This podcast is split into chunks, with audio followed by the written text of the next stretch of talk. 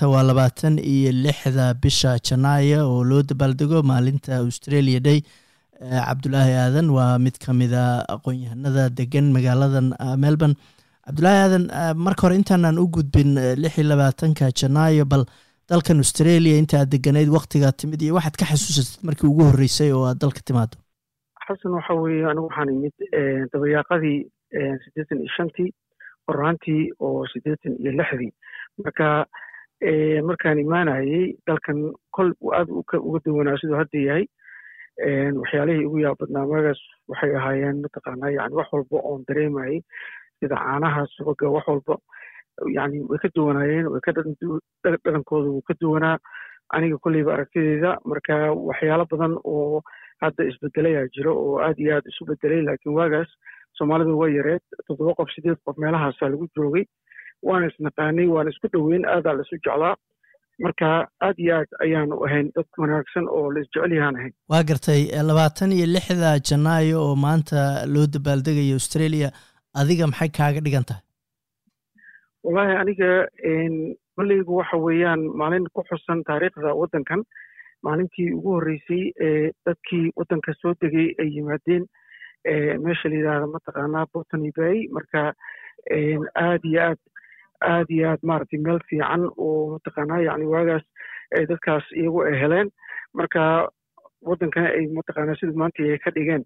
Marka dadna sidaasay u arkaan dadkii waddanka loogu yimidna iyaguna waxay u arkaan sida kaleeto oo ah waddan dad aan lahayn ay ku soo duuleen ay qabsadeen ilaa haddana xoog ku haystaan ay u arkaan. Marka waa aragti maaragtay ismaandhaafsan waaye markii loo fiiriyo. Aragtida dadkii yimid mataqaanaa yani captain james cook oo hogaaminayey waxay ahaayeen dad mataqaanaa badnaaxyo ah. Sida la sheegayna markaas dhulba ma raadinaynin waxay raadinayeen science waxay fiirinayeen meelo kala duwan iyo mataqaanaa cimilada iyo waxay fiirinayeen yacni waktiyada kala duwan dhulku inuu wareegsan yahay in kale iyo waxyaalo. Science ay raadinayeen dhulkan markay heleenna haddee way way wargeliyeen. Marka sidii baa mataqaanaa. Marka xasano waxa weeyaan yani aragtida kala duwan in la bedelo ma aaminsan tahay matalan maalinta labaatan iyo lixda anigu waxaan aaminsanahay in mataqaanaa wax dadkao dhan u qalma la sameeyo oo laga wada hadlo oo maalinta australia maalin dhexdhexaada laga dhigo taasaan aaminsanahay sababtoo ah waxa weeyaan dadkii mataqaanaa waddanka loogu yimid ee ahaa waddaniga ahaa ee loo yaqaano mataqaanaa first nation. Waxay aad u dhibsadeen maalintaas. Dadka intooda badan ee mataqaanaa dadkan ka yimid waddamada yurub iyo meelahaasna waxay u arkaan maalin farxad leh oo waddankan la helay.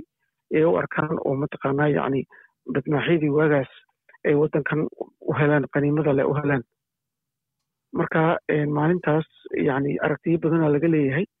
Laakiin anigu waxay ila tahay in laga wada hadlo oo wax mataqaanaa yacni compromise ah oo dadka u dhexeeya oo mataqaanaa laga qof walba iska arki karo. Waa la samayn karaa taasaan aaminsanahay in ay ay mindi mindi ku taag noqonin oo mataqaanaa yacni qof walba oo meel ku dhegan yahay noqonin oo loo fiiriyo dadkaas.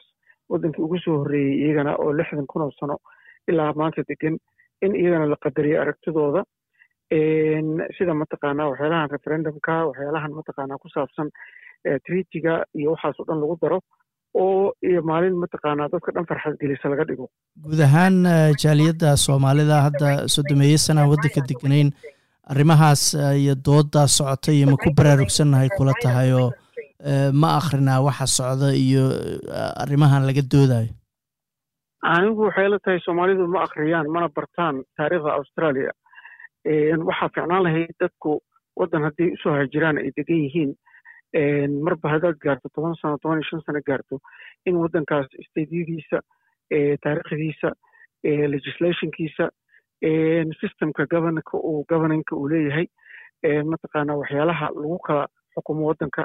Yacni waxyaalaha waddanka maamulkiisa luqadda qofka inuu barto. Isagoon tiisina ka tegin oo dhaqankiisii iyo afkiisii soomaaliga ahaa iyo hiddihiisii ka tegin in uu barto waddanka uu yimid taariikhdiisa barto oo nin qof waxaa arkaysaa yacni australia marka laga hadlaayo magaalada melbourne keliya u haysta. Marka in dadkii maaragtay ay bartaan waddanka ay joogaan ku safraan ay cimiladiisa yaqaanaan taariikhdiisa yaqaanaan waxyaalihii uu soo maray yaqaanaan madaxdii uu lahaan jiray iyo meesha uu maanta maraya iyo siduu waddankan markii hore wuxuu ahaa colony colony yar oo waddanka boqortooyada ingiriiska ayuu ahaa. Marka waddankii u waddan buu noqday gooni u taagan. Marka siduu uu taariikhdaas iyo beddelkaas ku sameeyey qofka soomaaliga ah inuu barto ayaa u wanaagsan sababtoo ah waxay ka dhigaysaa qof waddankii uu deganaa. Xataa waxaa arkaysa dad aad ku arkaysa dubai ama aad ku arkaysa nairobi ama aad ku arkaysa minnesota oo waddankan ka yimid oo markii wax laga weydiiyo aad is leedahay qofkan yani weligiis waddanka waxba kama akrinin miya marka waxaa roon qofka waddankuu degan yahay inuu barto inuu akriyo inuu wax ka bartaa roon. Waa gartay waddankan maantoo kale ama guud ahaan waxaa aad looga hadlayo loo buunbuuniyaa multiculturalismka oo dad kala duwan caalamka ay ka kala yimaadaan oo dhalashada maantoo kale la siiyo. Innaga soomaali ahaanse waxaad moodaa marka soomaaliya kale la fiiriyo weli qabiilkii iyo kala qaybsanaantii iyo in aad loo buunbuuninayo maxaan ka baran karnaa marka bulshadan australia oo adduunka o dhan ka kala timid oo la raba haddana in laysu hayo dad wax wadaago wax ka dhexeeya inay yihiin? Xasan su'aashaas waa su'aal aad iyo aad qiimo ula waaye sababtoo ah yacni waddankan aniga gurigeygii qofkii iga soo horjeedo israa'iil u dhashay dariskeyga waa nin talyaani ah diimo kala duwanaan aan leenahay iskuma xadgudubno sharci baana kala maamula. Intaasaan garan la'nahay in mataqaanaa yacni aan qadarino dadka annagu waxaan ka mid nahay weliba dadka oo xag jirka runta ahaan markii soomaaliya loo fiiriyo dadka jinsiyadda dadka ku takoorana waa nahay. Dadka diimaha dad ku takoorana waa nahay.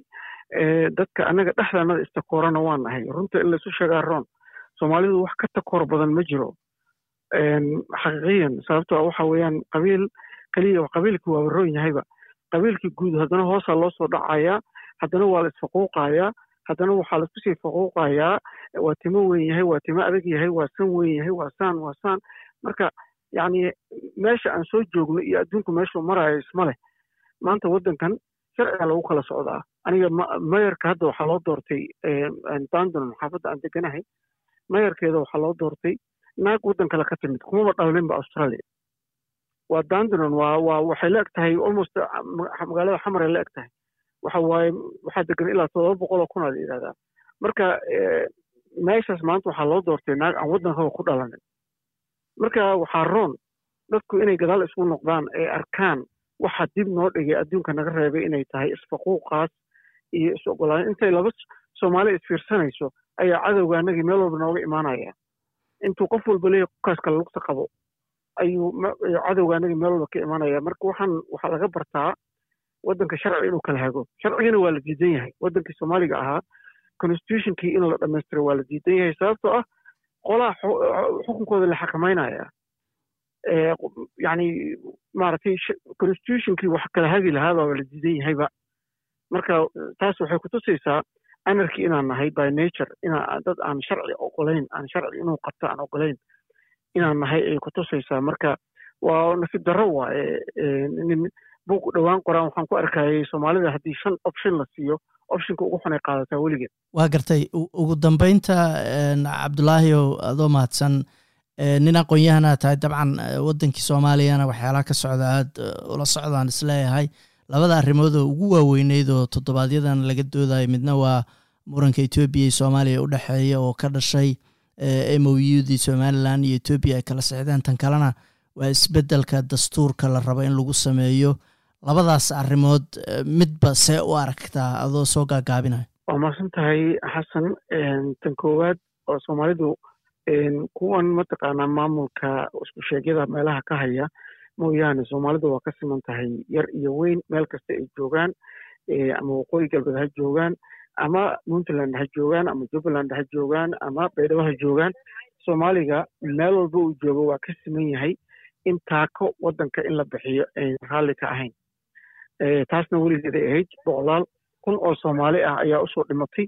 Taa raalli kama aha soomaaliga tan dastuurka tan dastuurka waxa weeyaan dastuuriga in la sameeyo oo dastuur macno leh in la sameeyo waxay ku xiran tahay hala bedelo oo bedelaadu waxay ku imanaysaa baahi bay ku imanaysaa sababtoo ah dastuurkan marka horeeto dan gaara loo sameeyey oo ah in wax lagu xasiliyo federalismka lagu dhiso federalismkii waa istaagi rabaa waana waa soo dhow yahay alxamdulilah marka waxaa roon in hadda loo qabto guddi macno leh oo constitutional lawyers ah in loo qabto oo shareecadana wax ka yaqaan in markaa constitution macno leh oo gobolladii dhan iska arkaan oo dadkii o dhan iska arkaan oo one man one vote lagu xuso in lagu gaaro taa in hadda qabanqaabadeedii la galo ayay anay ila tahay. Sababto waxa weeyaan damoo aan sii laciifno damoo ay etoobiya na soo hunguriyeynayso yeman na soo hunguriyeynayso kenya na soo hunguriyeynayso cid walba na soo hunguriyeynayso. Marka